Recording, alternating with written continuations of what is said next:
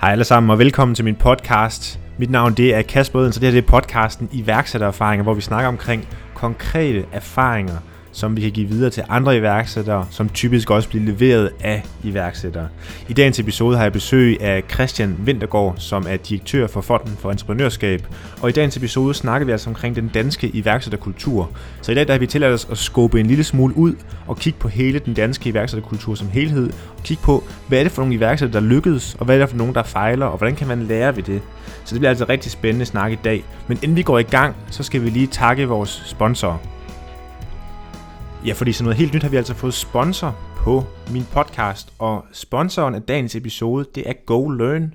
GoLearn er en online e-learningsplatform, hvor de udbyder kurser i digital marketing og i Microsofts produkter som Excel, Word og meget, meget mere.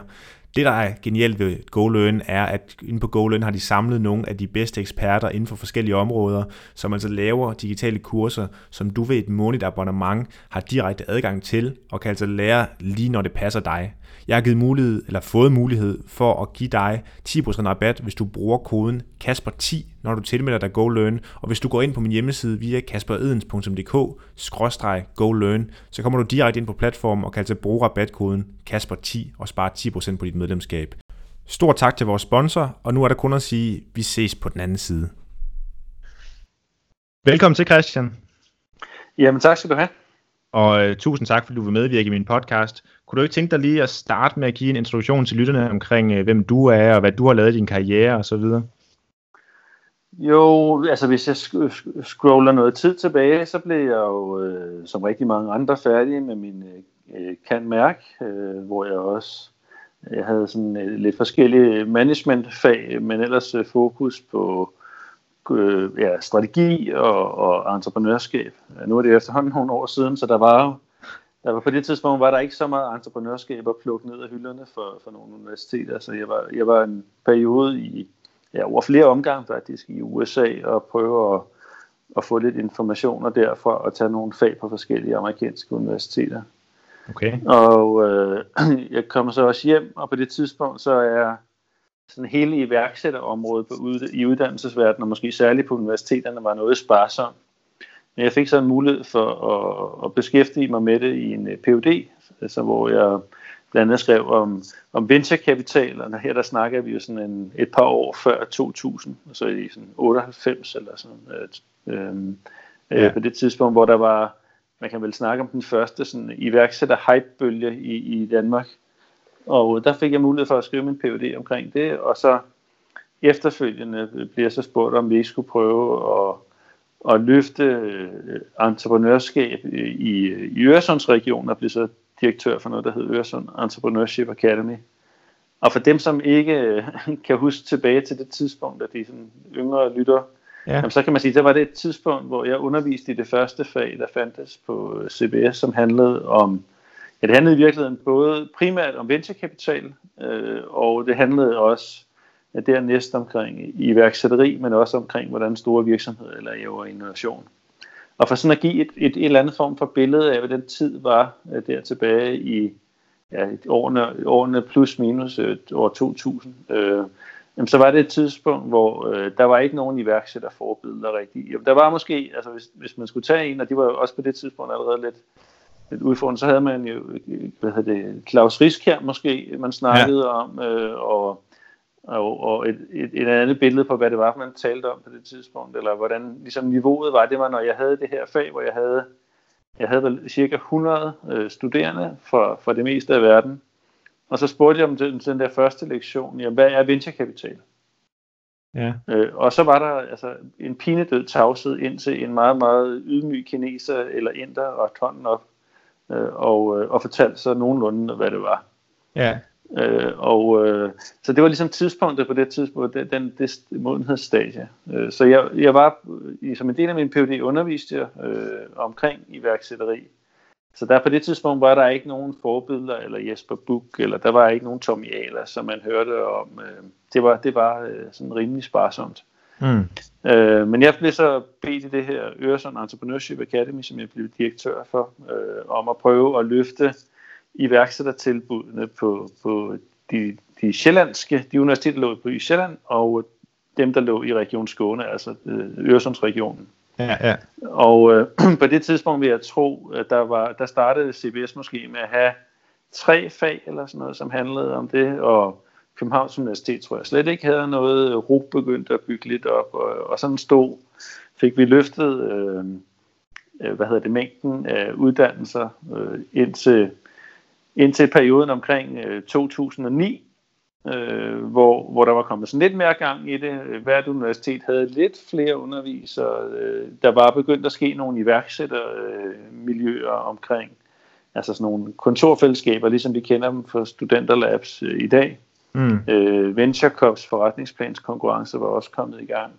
Øh, og jeg var bestyrelsesformand der en periode også. Øh, men det, der så begyndte de der ting at rulle, og så øh, på det tidspunkt, så involverede staten sig også mere og mere frem til deres skærings omkring 2009-2010, så begyndte staten at involvere sig mere i det, og, og særligt Erhvervsministeriet og Erhvervsstyrelsen gjorde sig aktivt gældende, og var også med, med til at, at støtte, at vi kunne få flere uddannelser. Men resten, en del andre øh, ministerier gjorde noget af det samme, øh, så Forskningsministeriet havde deres aktiviteter, Undervisningsministeriet havde deres, og Kultur havde lidt deres. Og så, i, så sker der sådan noget lidt skældsættende der omkring 2009, hvor, mm. hvor at ministerierne så går sammen på tværs og siger, at vi vil gerne, vi vil gerne give det her et, et, et, endnu mere opmærksomhed, og vi vil også gerne sikre os, at, at altså elever og studerende i på alle uddannelsestrin i Danmark, øh, øger, vi, vi giver dem nogle kompetencer, som handler om entreprenørskab. Og, øh, og man stifter så i samarbejde med en privat fond, en, en ny organisation, der hedder Fonden for Entreprenørskab.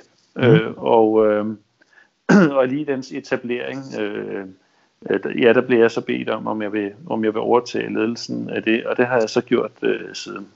Ja, Okay, så det vil sige, at i dag sidder du som, som direktør for Fonden for Entreprenørskab og har gjort det de sidste, hvad er det så, 10 år efterhånden? Må ja, det være, 9, 9 må det være, ikke? Ja. Okay. Ja. Så der, der er snart et lille jubilæum, der ligger og venter her.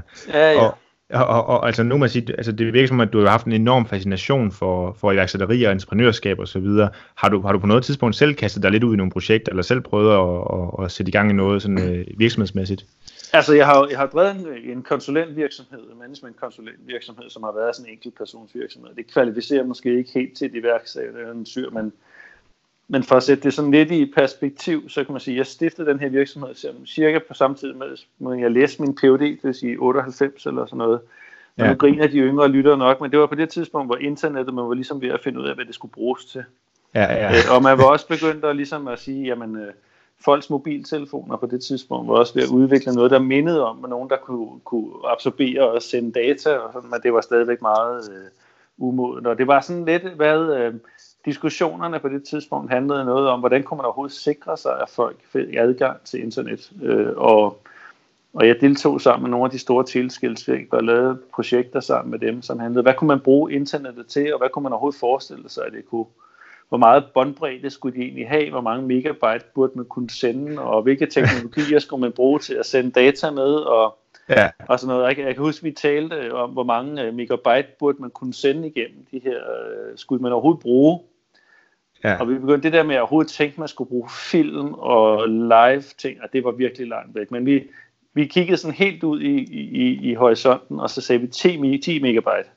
Ja. Mere kommer der aldrig nogen, der kommer til at bruge mere end det øh, og jeg kan huske sammen med nogle af de store tilselskaber, vi lavede nogle bud på, på de, de licenser, der var på det tidspunkt. Så, så jeg lavede en virksomhed, som handlede om at hjælpe tilselskaberne med det, men også hjælpe, øh, altså det hele taget virksomheden med, hvad skulle de overhovedet bruge internettet til, og hvordan kunne man forestille sig, at man flyttede sin, sin forretning fra, fra noget analogt til noget digitalt. Øh, ja. Så det var det sådan en rigtig lang tid tilbage. Jeg var også med i nogle, det var jo de første virksomheder, jeg var sådan involveret i, var, var lige omkring da dot-com-bølgen, det vil sige lige før 2000, var på sit allerhøjeste. Ja. På det tidspunkt, der var der et rigtig, rigtig mange, der har aldrig været så mange øh, udbydere af venturekapital eller øh, opstartskapital, som der var på det tidspunkt. Jeg tror, der har været en 100 fonde eller sådan noget i Danmark, og vi, vi er noget mindre i dag end da. Mm. Øh, og der, der var rigtig mange penge øh, ude, og der var ingen, der vidste, hvordan man brugte dem. Øh, nej, nej. Så vi, jeg, jeg, kan huske tydeligt, jeg var med til at... Jeg kom ind så meget ung studerende og, og blev kommet med et projekt, hvor vi fandt ud af, at det skulle virkelig handle om, øh, hvordan skulle den nye verden se ud for erhvervslivet. Det var det, der var konceptet. Og jeg kan huske stadig den dag, jeg skrev forretningsplanen, øh, og øh, jeg vil stadigvæk have svært ved at formulere, hvad det egentlig drejede sig om i dag, men det lykkedes os alligevel at skaffe et stykke over en halv million. Ja. Øh, og de var så brændt af i løbet af en måned eller to, øh, fordi der fik den fuld fart med, hvordan det skulle se ud, og Ja. Øh, og, og venturekapitalfirmaet lukkede faktisk også ganske kort tid efter, fordi de havde så med meget lille erfaring sprøjtet sig om sig med penge. Øh, men det, man kan sige, den, den historie, vi refererede tilbage til alle sammen, det var, det var Giga, der var blevet solgt øh, og, til Intel, og de havde tjent en helvedes masse penge på det. Øh, og det var, og, og, og de, der var rigtig mange, der blev rige øh, på det tidspunkt. Der var også rigtig mange, der blev fattige.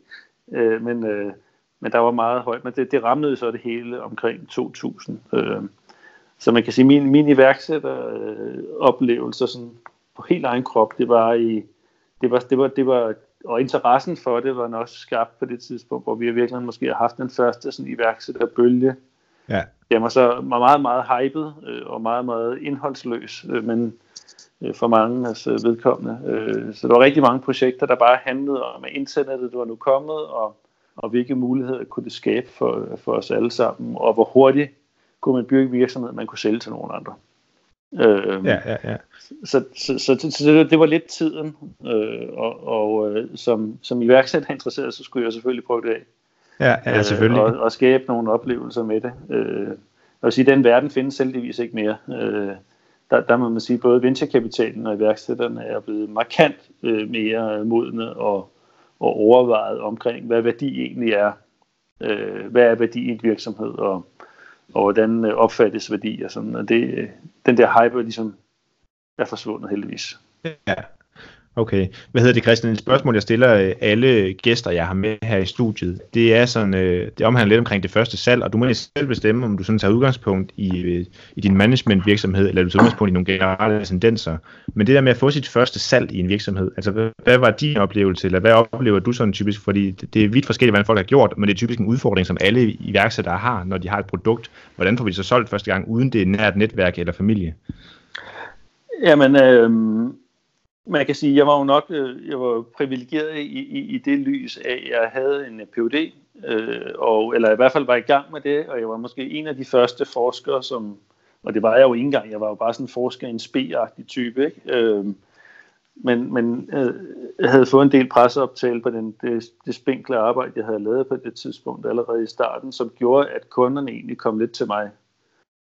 Altså okay. fordi jeg var den, der vidste noget om venturekapital, og det var der ikke ret mange, der gjorde. Jeg var den, der havde arbejdet med tele og internet, og hvad det kunne bringe. Øh, så i det lys, så blev det jo så blev det, var jeg sådan lidt, lidt heldig og end de fleste i forhold til, at kunderne kom lidt til mig. Og det, det skete i virkeligheden også med det selskab der, hvor vi skaffede kapital til. Det var lidt tilfældigt og, og også på et, altså lidt uretfærdigt nemt, øh, kan jeg huske. Øh, øh, hvordan det foregik. Så jeg vil sige, det der med at... Øh, det er nok ikke helt repræsentativt i forhold til, hvordan en sand situation ellers er. Nej. Okay, men det vil sige, altså det, det du har gjort i den sted, det er jo, at du har fokuseret på at dygtiggøre dig inden for en niche, og så fordi du har dygtiggjort dig inden for det, så er der kommet efterspørgsel, da der blev behov for det. Jo, og man kan sige, at jeg var, hvis jeg skal klappe mig selv på nogen måde på skulderen på det tidspunkt, jamen, så var det forskning, og det er det måske lidt stadigvæk, var jo ikke sådan noget, man gik i medierne med men, men, men de erhvervsrettede medier var meget interesserede i venturekapital, og hvor stort det var, og hvor lille det var, og hvorfor folk investerede, og hvilke præmisser det var på, og med hvilke kriterier man investerede, og den slags ting. Så på den måde fik jeg jo bygget mig selv lidt et navn, som var referencepunktet for mange øh, journalister. Øh, og på den måde så blev mit navn jo så også der, derfra kendt. Og øh, Christian, et andet, øh, et andet spørgsmål, som jeg også stiller alle gæster, jeg har inde, det er, hvad var risikoen ved at starte den her virksomhed? Nu kan man sige, du havde efterspørgsel fra starten af, men var der nogen risiko? Var der noget med, at du gik ud og brugte en masse penge, eller investerede en masse tid, eller tog tiden fra noget andet, da du, øh, da du så valgte at sige, nu starter jeg det her managementfirma? Nej, man kan sige, at min opstartskapital var nærmest øh, 0 kroner. Øh, man kan sige, den, den, man, hvis jeg skal tale om en, en omkostning, der var, så var det jo, at jeg havde på det tidspunkt var der også godt man gang i, øh, i at blive ansat i en af de store managementkonsulentvirksomheder. Og jeg valgte så ligesom at gøre mit eget, fordi jeg kunne ikke lige se for mig, at jeg skulle blive ansat øh, der på det tidspunkt. Øhm, så jeg investerede jo ligesom i mig selv i stedet for, øh, og den, øh, jeg, jeg brugte jo så forskning øh, og, og den slags vidensarbejde til ligesom at bygge, bygge den kapacitet op, som jeg skulle bruge, og det brugte jeg jo en del tid på. Jeg brugte også en, altså, jeg kan huske på det tidspunkt, hvor min det daværende kæreste, hun synes det var en virkelig dårlig idé, at jeg skulle starte min PhD, øh, og jeg var også i, i 117, øh, øh, hvad hedder det, overvejelser omkring, om det var en god idé, fordi jamen, der var rigtig gode penge at tjene for os, der læste øh, kan mærke på det tidspunkt ved at gå ud i, i konsulenthusene, øh, og der var masser af timer, man kunne sælge.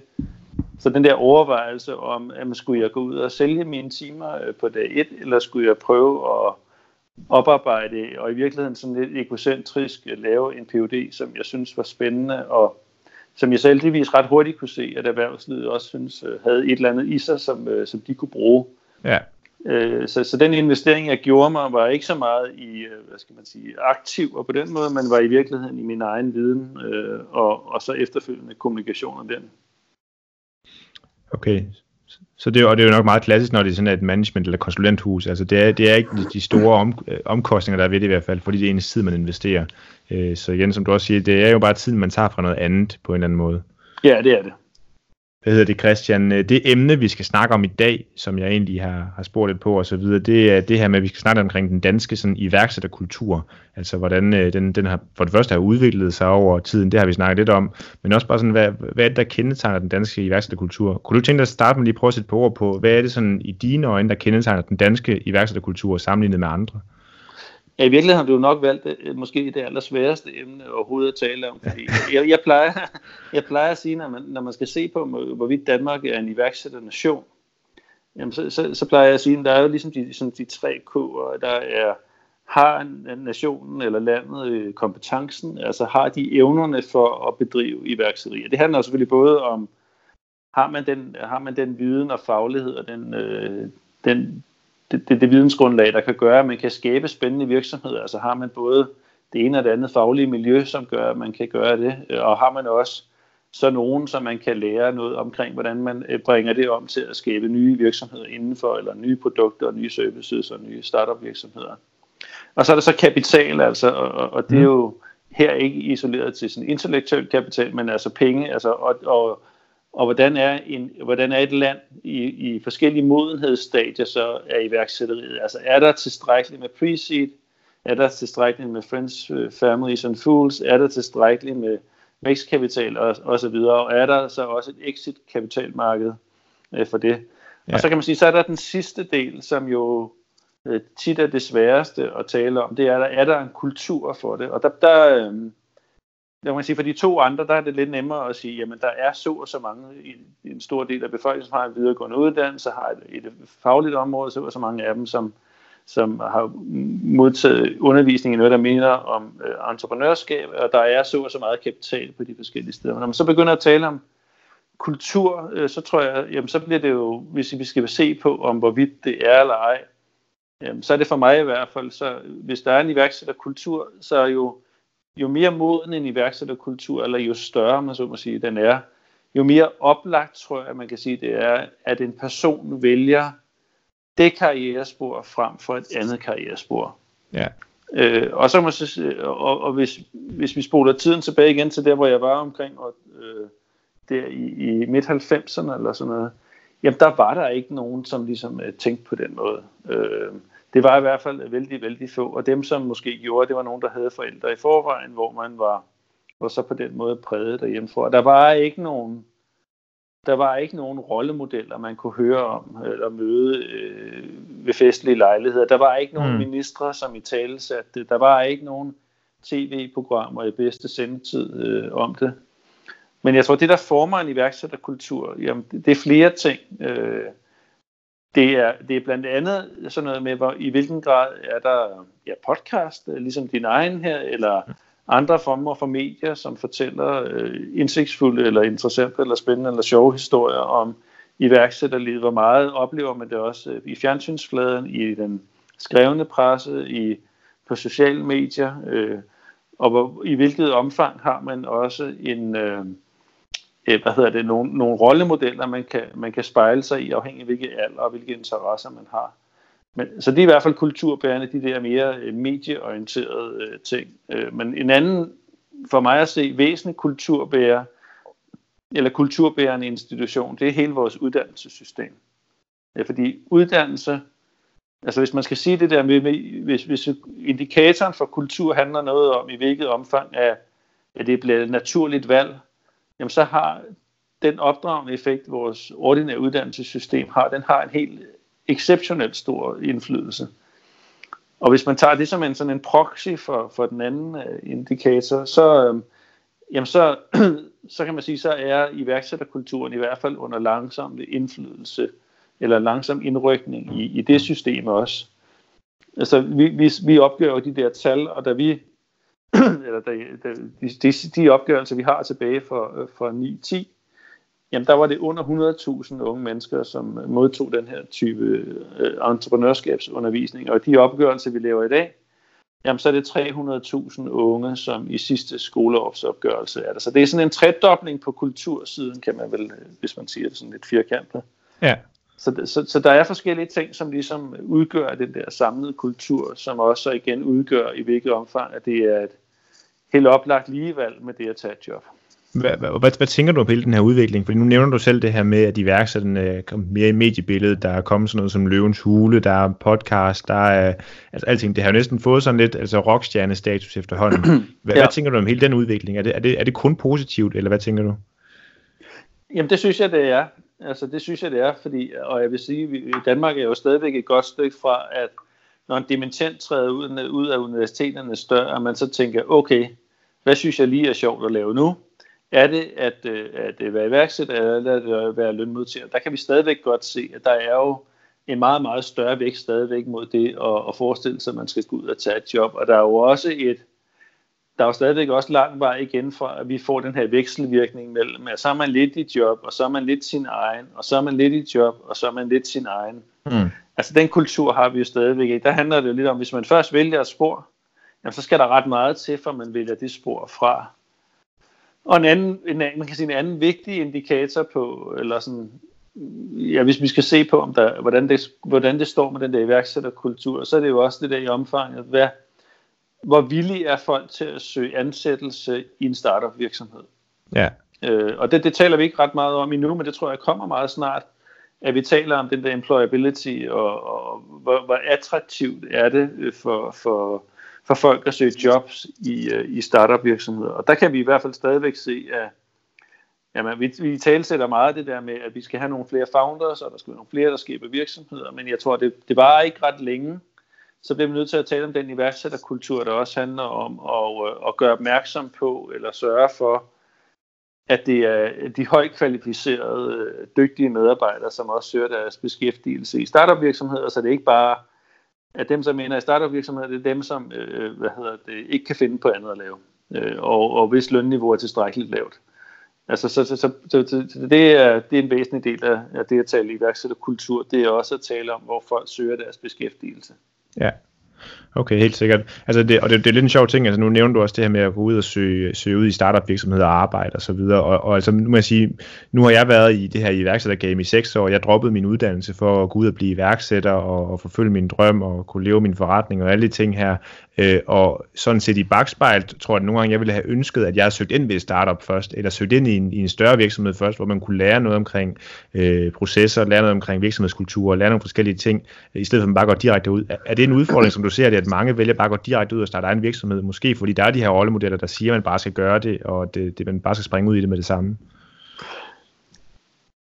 Altså, det, jeg, jeg kan faktisk ikke helt blive enig med mig selv om lige præcis det spørgsmål, jeg har jeg kredset lidt rundt om det nogle gange, fordi nogen siger, jamen, øh, det, det giver rigtig god mening, at man netop kommer ud og får noget brancheerfaring, og man øh, også kommer ud og prøver tingene af, og så kan man med dem i hånden øh, ligesom øh, blive en endnu bedre iværksætter. Ja. Den del, den har lidt de, de udfordringer, der handler om, jamen, der er jo selvfølgelig mange af de der fagfaglige ting, øh, som, som, man, som man under hele sit liv kan lære sig. Men i virkeligheden alle de ting, som handler om at tage risiko, søge muligheder, udnytte ressourcer øh, og, og få værdi skabt for sine kunder og sådan noget. Det, øh, spørgsmålet er, i hvilket omfang, at de nogensinde kan læres øh, øh som lønmodtagere.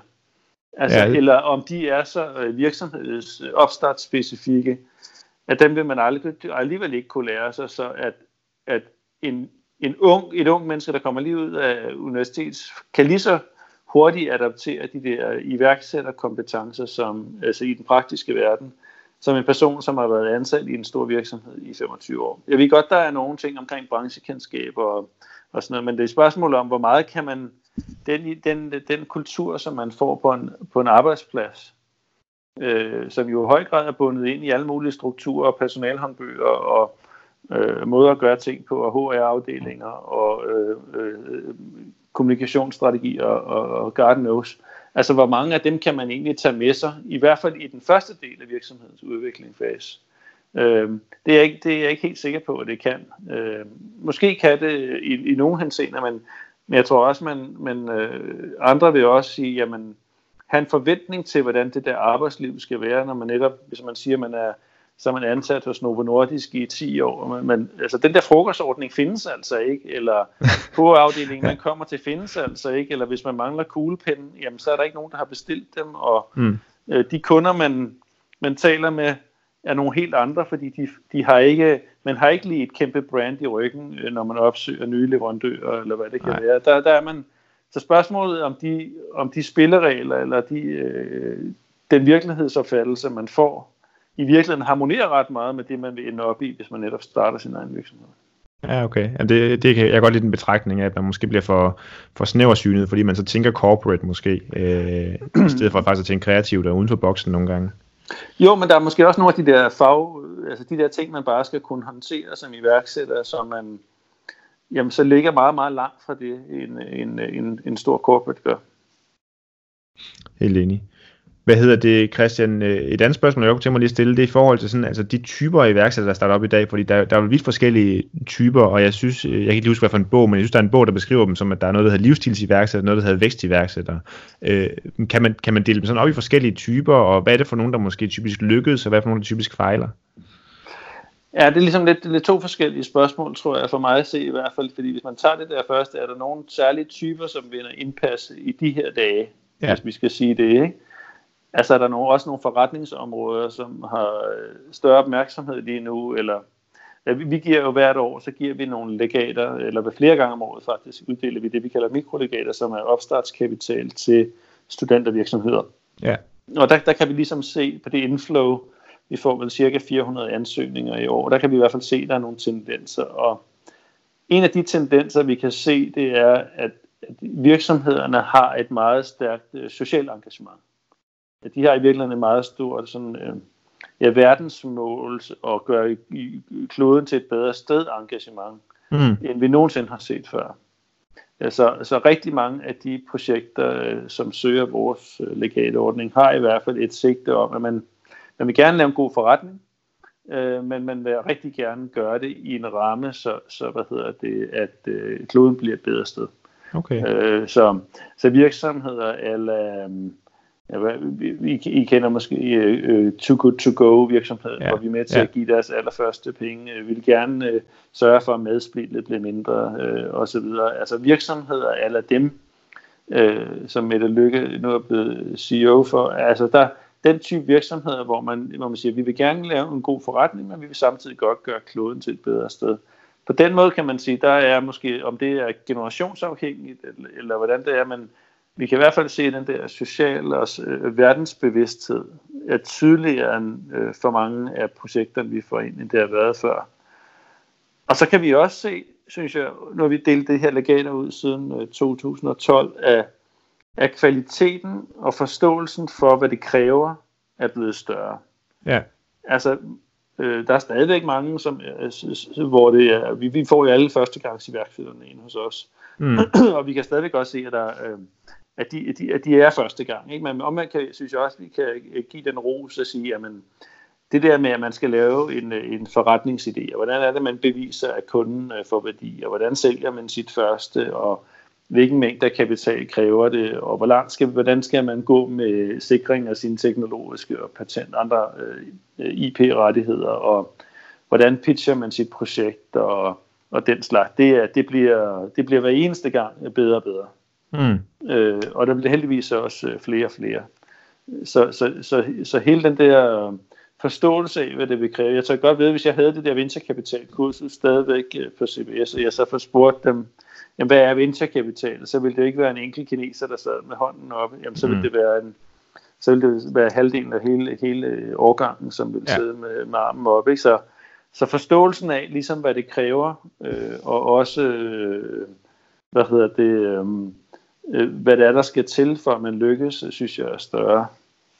Um, ja, altså dit andet spørgsmål handlede jo så om, er der hvem, nogle ting, hvad, er der nogle ting, der, der, der, der giver særlig udslag på succesparametrene, ja. ikke? Ja, lige præcis. Altså, altså jeg, øh, en af de ting, som man måske stadig ikke er blevet god nok til, men som vi kan se øh, er rigtig vigtigt, det er, en af de ting handler i hvert fald om team. Ja. Øh, og specielt nok diversitet i team. Og, øh, og der er stadigvæk noget arbejde øh, der, som, han, altså, som, som skal rette sig mod, at, at vi, vi ser rigtig, rigtig tit et helt, et helt homogent team, hvor alle er enten øh, øh tech-fagnørder eller mm. merkantile, øh, hvad hedder det, forretningsforståelsespersoner, eller humanister, eller, eller hvad det kan være. Og, og den der forståelse af, at man skal, man skal omgive sig med andre øh, end nogen, der ligner en selv, øh, det, øh, der er stadigvæk et stykke arbejde der. Men omvendt kan vi også se, at vi, de, de teams, som, møder, som vi møder, som, øh, som har den forståelse af, hvad det er, det kræver, og hvad det, de ikke selv besidder, og den der selvindsigt, øh, de kommer meget længere. Ja. Og, øh, altså, kan, kan, kan du se, Christian, på nogen måde, altså, hvad, hvad det er, der gør, at man ikke vælger at samle team? Fordi altså, team er jo noget, vi har snakket om herhjemme i, i, i mange år efterhånden. Altså, det er det, der er vigtigt, og det er det, der kan være udslagsgivende, for at man får succes. Men hvad, hvad er det præcis, der gør, at man så ikke vælger at gøre det? Er det fordi, man ikke... Øh, øh, hvad man siger, naturligt bliver tiltrukket af ens modsætninger, eller hvad er det, der gør det? Kan I se det på nogen måde? Ja, jeg vil tro, der er i hvert fald to forhold, der gør sig gældende i forhold til, hvorfor man ikke ender op som sådan et, øh, et, et øh, diverst team. Det ene er netop det der med, at vi som mennesker har en tendens til at opsøge mennesker, der ligner os selv. Mm. Altså vores venner ligner os selv, vi har nogenlunde de samme uddannelsesmæssige baggrund, vi er nogenlunde den samme alder, vi kommer fra det samme sted i verden, øh, og tit har vi sgu også samme øh, køn, ikke? Ja. Øhm, så det er det ene forhold, det, det er bare sådan, som jeg tror, vi er skruet sammen øh, op i hovederne. Den anden del er, at i hvert fald det mange af dem, vi møder, de har mødt hinanden øh, på deres studie. Ja. Øh, og på den måde, så bliver der lidt en bias i, hvem der man så også omgiver sig med, og hvem man øh, også udvikler idéer med, øh, og den slags ting. Og de to ting sammenført bliver lidt øh, selvforstærkende. Okay, det, det, giver, det giver god mening. Hvad hedder det, Christian? Et andet spørgsmål, jeg har taget med i dag, det er, øh, hvad, hvad er det sådan, de største udfordringer, du ser for iværksætteriet herhjemme lige nu? Ja, det ene er, at vi stadigvæk mangler øh, en pokkers masse. Altså, hvis vi ser på historiske data over, mange virksomheder, der bliver etableret i Danmark, så er det jo stadigvæk forsvindende lille. Ja. Øh, og, øh, og hvis vi ser på den generelle befolknings ønske om at, at skabe deres egen virksomhed i forhold til at arbejde for nogle andre, så er det også stadigvæk øh, helt skævbredent. Altså, jeg plejer at sige, det er sådan lidt vild med dans syndrom, ikke? Altså folk ser et glædeligt løvens hule, når det, når det bliver sendt i primetime, og synes faktisk, de er ret fede, de der typer, der både evaluerer, men også dem, ikke mindst dem, der kommer og, og præsenterer deres forretninger. Men, men det er jo det, det der ligesom er vildt med dans. Man kan godt lide at se, at se på dem, men det der, man selv skulle byde sig op til dans og valse rundt i bedste sendetid, det har man fandme ikke lyst til. Nej. øh, og øh, og det, det, den, den måde har iværksætter, og jeg, jeg tænker, at øh, hvis, hvis de der kultur, kapital og kompetencer skal hænge sammen, jamen så, så skal vi jo så også have nogen, som så ligesom på en eller anden måde, nu synes jeg, vi er ved at have et mediebillede. Jeg synes, vi er ved at have en kultur, hvor, hvor man har, vi har lagt øh, janteloven øh, godt i graven. Mm. Øh, nu går jeg sådan lidt selv og venter på, hvornår at alle aldersgrupper ligesom reagerer på det øh, og, og, og kaster sig ud i det. Vi kan se, altså vi kan se, at de unge tager det til sig. Der har aldrig været så mange unge, som har øh, stiftet egen virksomhed. Øh, desværre har de, og når jeg siger unge, så, så er det de her statistikker om, folk øh, under 25 år. Det er, det, det er den yngste alderssegment, man sådan opdeler i fra 18 til, til, til 25. Så kan vi se, at det er boomet med unge, som, øh, som gerne starter en virksomhed, og det er super fedt. Øh, det man kan se, det er jo, at, øh, at der er en hel del ældre, øh, som også øh, vælger at skabe deres egen virksomhed. Øh, og jeg, men jeg tror, det, det er mere et, sådan et, et symptom af, at, øh, at folk går, har mulighed for at trække sig tilbage på pension, og så skabe en virksomhed, som bliver sådan mere øh, hobbyorienteret. Men hvis, man skal sætte, hvis vi skal se på, hvad der ellers er for nogle segmenter, som, øh, som der er en udfordring med, jamen så, så er det måske øh, kvinderne. Fordi ja. det vi kan se desværre, det er, at, øh, at de statistikker vi har, der øh, bliver der, der er ikke kun få kvinder, øh, der skaber egen virksomhed, men der bliver faktisk også færre. Øh, og øh, der er ikke rigtig nogen, der helt præcis skal finde ud af, hvad, hvad grunden til, til de tendenser er, men vi kan, det er bare tydeligt, at det er jo øh, under en fjerdedel af de virksomheder, der er etableret, de er etableret af kvinder. Og, okay. øh, og det kan man sige, det er jo, det er jo både uheldigt ud fra sådan et øh, generelt perspektiv om, om hvad skal man få sit liv til at bruges til, men det har i særdeleshed også noget at gøre med, at jo mere diverse øh, startup-gruppen er, jo mere mangfoldig den er, jo større øh, service- og, og produkttilbud og alt muligt andet øh, er der jo også mulighed for. Og, og, og hvis man ser amerikanske studier, så er der jo en, øh, har der ikke nogen... Øh, altså, de, kvinder kan jo i lige så stor grad mindst indgå i at skabe virksomheder, der går i vækst og sådan noget. Øh, Mm. Så, så, så, men det er i hvert fald en, en tendens, som øh, jeg tror, der er ikke den politiker, der har siddet i Erhvervsministeriets øh, stol der, som ikke har tænkt på filen, man kan gøre ved det. Nej. Øhm, og også mange forskellige initiativer er prøvet, men, men indtil videre er det ikke lykkedes ligesom at skifte, øh, øh, skifte den udfordring. Okay, Jamen, og det, det er jo egentlig ret interessant, synes jeg. Et andet spørgsmål, som jeg godt tænker mig lige at, at belyse kort, øh, det er egentlig, altså når man, når man kigger sådan på, på den danske iværksætterkultur, altså det virker som om, vi er ret gode til at starte virksomheder, men det her med at lave virksomheder, som så også bliver store, altså hvor, hvorfor er vi ikke så gode til det her hjemme på samme måde, som hvis man kigger på USA, hvor nogle af de største virksomheder, det er nogle, der er startet inden for de sidste 25 år? Jamen altså, der, der, var, der var mange, der ville sige, at det er på grund af kapitalmarkedet. Det er simpelthen mm. på grund af, at, øh, at øh, der ikke er nok kapital hele vejen op igennem, og vi er ikke tilstrækkeligt hverken i det ene eller det andet stadie. Og det tror jeg måske også er en del af årsagen. Men i virkeligheden så tror jeg, at kompetence- og kulturdimensionen er måske endnu vigtigere. Og, og det handler lidt om, at en del af de virksomheder, som, som bliver skabt, og, og hvis de skal blive store, skal jo gerne altså sådan det virker i hvert fald som at være øh, tendensen skal afsætte i et eller andet form for vidensgrundlag, en teknologi, der er unik, eller en eller anden større vidensklump, øh, som man kan sætte afsæt i. Og der, der er der jo stadigvæk en del af de virksomheder, der bliver skabt i Danmark, som er, er mere sådan serviceorienteret, som kan være svære vækst, eller nogen, hvor det handler om øh, altså sådan håndværksvirksomheder, som også kan være svære vækste. Så der er noget mere forbragt viden i spil, Ja, men så er der måske også, og det er måske den allervigtigste, det er, at, øh, at lige så vel for det der, der skal være en kultur for at starte virksomhed, så tror jeg også, der skal være en kultur for at, at forestille sig, hvor den skal føre en hen. Altså, hvor, ja. ambi- hvor, hvor, hvor stort skal det være? og der kan man jo sige, at den, den eneste, nu skal jeg lige ved at sige, gå så en startup virksomhed, som blev, blev børsintroduceret sidste år, øh, det var Netcompany. Ja. Øh, og øh, og vi skal altså have nogle, vi skal have en for så, for to, for så, for tre, og for fire, og for flere og flere af de her øh, historier om, hvordan man kan gå fra netop, at det hele starter med en god idé, og så til man kan forestille sig, at man kan få en børsintroduktion. Så, så bare det der forestille sig væksten, øh, det er et andet øh, væsentligt ting. Og så tror jeg måske også, hvis jeg skal sige ligesom en sidste ting, som kan mm. indramme det, det er måske også, at vi skal også begynde så at have nogle rollemodeller for, hvad er det, der er en succes øh, som opstartsvirksomhed. Og der, der kan man sige, at mange af de rollemodeller, vi har på iværksætterområdet lige nu, øh, mm. det er måske også nogle, hvor idealet har været at bygge en virksomhed, få den stor og sælge den til amerikanerne. Ja, eller ja. til en eller anden kapitalfond. Hvilket jo også hvilket er super, super god, øh, øh, godt, men jeg tror, altså muligheds spændet for, hvad man kan drive virksomheder til, det skal vi på en eller anden måde have, have, have gjort lidt mere mangfoldigt. Ja, ja. Okay, det giver god mening. Et, altså et, et afsluttende spørgsmål, jeg har her omkring øh, emnet, Christian, i forhold til, til hele det her med iværksætteri i Danmark osv., det er, øh, hvad er det for nogle tiltag, du føler, der skulle til i Danmark lige nu, før vi sådan kunne fremme iværksætteri? Altså er der nogle, nogle helt konkrete ting, du tænker, lige præcis det her burde vi gøre anderledes, eller burde vi gøre på en anden måde? Nå, hvis jeg skal lige prøve at løbe, løbe mine kår igennem igen, hvis det skal være. Det ender ja. med at blive mit fælles uh, tema her. så hvad det? Det var egentlig ikke særlig planlagt, men nu, nu tager vi den alligevel. Jamen, ja. så synes jeg, at der mangler stadigvæk kapital på, på de fleste stager i Danmark. Øh, og der mangler også et, en måde, hvor man kan exite lige fra, ligesom fra den tidlige kapital og så til exit, så er der stort set kapitalmangel hele vejen op igennem.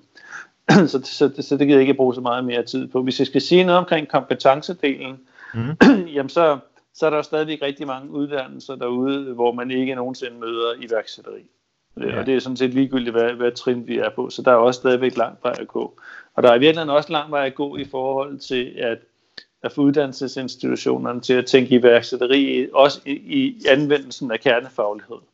Øh, så det er ikke bare iværksætterfag, men også hvordan det tænkes ind i de fag, der er. Hvordan, hvad er egentlig formålet med de fagligheder, vi lærer? Og hvad kan mm. de bruges til i, i fremtiden? Der, der er stadigvæk øh, øh, behov for det.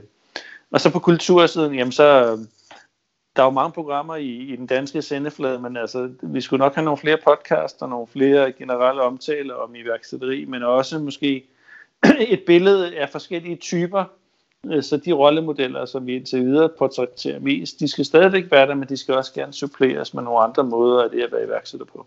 Ja, det synes jeg lyder rigtig fornuftigt. Jeg kunne godt tænke mig, Christian, her til at, at runde af i dagens podcast, kunne jeg godt tænke mig, hvis du lige prøvede sådan at tænke på tværs af, hvad nu du har indsamlet af viden øh, omkring iværksætteri og kender til iværksætter, og du så skulle give et godt råd, eller bare måske to eller tre gode råd til en person, der står derude lige nu, og måske overvejer at blive iværksætter, eller måske lige er blevet iværksætter. Hvilke råd vil du give til vedkommende? Ja, nu, dem jeg kender bedst og bedst, kan jeg rådgive, er måske dem, der kommer ud i uddannelsessektoren. Så altså, det vil sige, nummer et, øh, team op med nogen, og det har vi været lidt inde på før med det med teamkast. Find nogen, som ikke minder 100% om dig selv, men alligevel matcher øh, det behov, der er for den virksomhed, du vil bygge. Så det der med at finde et godt team øh, er, er alfa og omega. Og så vil jeg sige, udnyt alle de der mange, mange muligheder, som der er, som er gratis, eller faktisk man kan få penge ud af. Enten på din uddannelse, eller hos os kan man søge legater, eller alle mulige andre steder kan man få adgang til gratis ressourcer. Og brug og misbrug, hvad jeg vil sige, alle dem, øh, fordi det, øh, der møder du også ligesindede, opsøg nogle af de der miljøer, øh, hvor at øh, unge iværksættere findes, og hvor, hvor øh, man, kan, man kan drage erfaringer fra nogen, som, som er lidt længere end en selv. Øh, det vil sådan være min bedste råd på, på sådan kort sigt synes jeg lyder rigtig fornuftigt. Og så vil jeg lige øh, slutte af med det spørgsmål, som jeg, jeg altid stiller, Christian, og det er, øh, det er måske lidt i samme boldgade, men hvis du nu kunne give dig selv et råd, og, og du kunne give dig selv det råd den dag, hvor du startede dit managementfirma, og du kunne give dig selv det råd lige nu, hvad skulle det råd så være? Ja, hvis måske skulle jeg bruge mere tid på min studie. Ej, jeg ved det ikke. øh, nej, jeg tror, øh, rådet til mig selv på det tidspunkt skulle måske så have været, jamen, øh, kan det her blive til mere end øh, bare det, der supplerer din SU? Eller kunne jeg have gjort til sådan noget større? Det synes jeg lyder, lyder rigtig fornuftigt. Hvad hedder det, Christian? Hvis man nu gerne vil følge med i, hvad du foretager, der er fremadrettet, hvor øh, skal man så følge med hen? Jamen, øh, hvis man gerne vil, vil følge mig, så er jeg på øh, de fleste sociale medier. Jeg vil anbefale måske, at man følger mig enten på, på Twitter eller på LinkedIn. Okay, på Twitter LinkedIn. Jeg sørger selvfølgelig for lige at linke i show notes til episoden, så man kan hoppe ind og finde dig og følge med. Ellers Christian, så er der kun at sige tusind tak, for du har medvirket i dag. Jeg synes, det har været en rigtig interessant diskussion omkring den danske iværksætterkultur, og især også øh, lige den her læring med de tre K'er, dem vil jeg huske på i hvert fald, når man skal sidde sådan og snakke omkring iværksætteri i Danmark. Det var så lidt. Og dermed er vi altså færdige med dagens episode af iværksættererfaringer, hvor vi altså har virkelig fået belyst mange forskellige ting omkring iværksætterkulturen hjemme i Danmark, hvilket måske for jer som lytter kan være rigtig, rigtig rart og godt, og måske også meget konkret, fordi så ved I altså, hvad man skal gøre, hvad man ikke skal gøre for at lykkes, og hvad man skal være opmærksom på i hvert fald. Husk på, at du også kan gå ind og følge med inde i vores Facebook-gruppe, der hedder Iværksættererfaringer Netværk, altså iværksætter-erfaringer mellemrum netværk. Her sidder vi og diskuterer forskellige konkrete problematikker inden for iværksætteri, og vi sidder også og snakker omkring, hvem den næste gæst i podcasten skal være, og meget, meget mere. Ellers skal du altid følge med på min hjemmeside, kasperedens.dk, hvor jeg altså også lægger blogindlæg op og andre ting inden for iværksætteri. Ellers så er der kun at sige, at vi ses igen på næste torsdag.